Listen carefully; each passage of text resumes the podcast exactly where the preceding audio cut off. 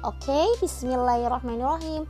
Assalamualaikum warahmatullahi wabarakatuh. Selamat malam semuanya. Salam sejahtera. Ketemu lagi dengan saya kali ini ketemu dengan saya di episode 7 Perkenalkan, nama saya Casrana Khairunisa Saya dari Fakultas Ekonomi dan Bisnis Universitas Cena Badra, Yogyakarta Di sini saya akan menjalankan tugas dari dosen saya yaitu tugas ujian akhir semester 2 Dosen mata kuliah Ekonomi Digital Dosen pengampu Pak Ridwan.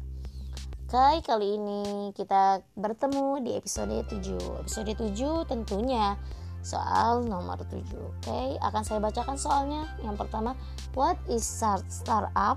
Yang kedua jelaskan berbagai klasifikasi startup dan berikan contohnya.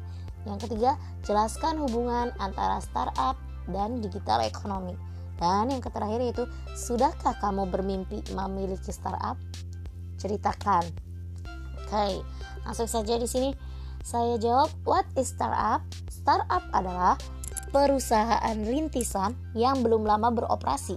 Dengan kata lain, startup ini artinya perusahaan yang baru masuk gitu atau masih berada pada fase pengembangan atau penelitian untuk terus menemukan pasar maupun mengembangkan produknya. Jadi istilahnya kalau misalkan uh, misalkan manusia itu anak baru gitu anak baru yang baru masuk ke sekolah. Oke, lanjut ke soal berikutnya. Jelaskan berbagai klasifikasi startup dan berikan contohnya. Kayak klasi startup ini mempunyai klasifikasi ya. Di antaranya itu yang pertama hektocorn, ada hektocorn.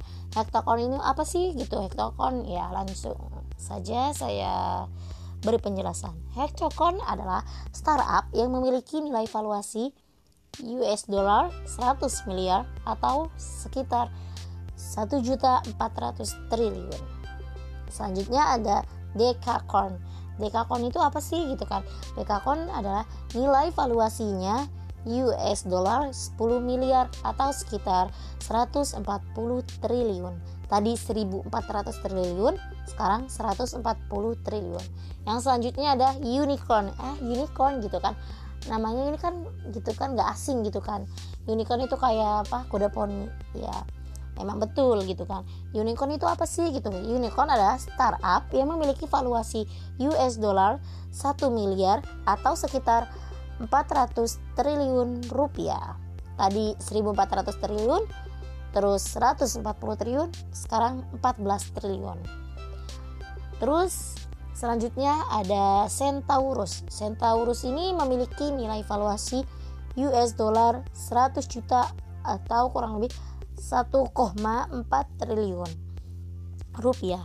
Selanjutnya ada Ponis. Ponis ini yaitu valuasinya menembus US dollar 10 juta atau sekitar 140 miliar. Tadi triliun, sekarang miliar.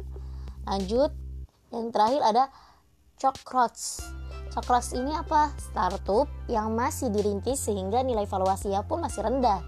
Jadi kayak masih baru baru-baru gitu gitu tapi tahan banting jangan salah gitu kan ya perusahaan unicorn perusahaan unicorn Januari 2019 ada lebih dari 300 unicorn di seluruh dunia saat ini ada 7 unicorn asal Asia Tenggara empat di antaranya dan dari Indonesia yaitu ada Gojek, ada Tokopedia, ada Bukalapak dan ada Traveloka.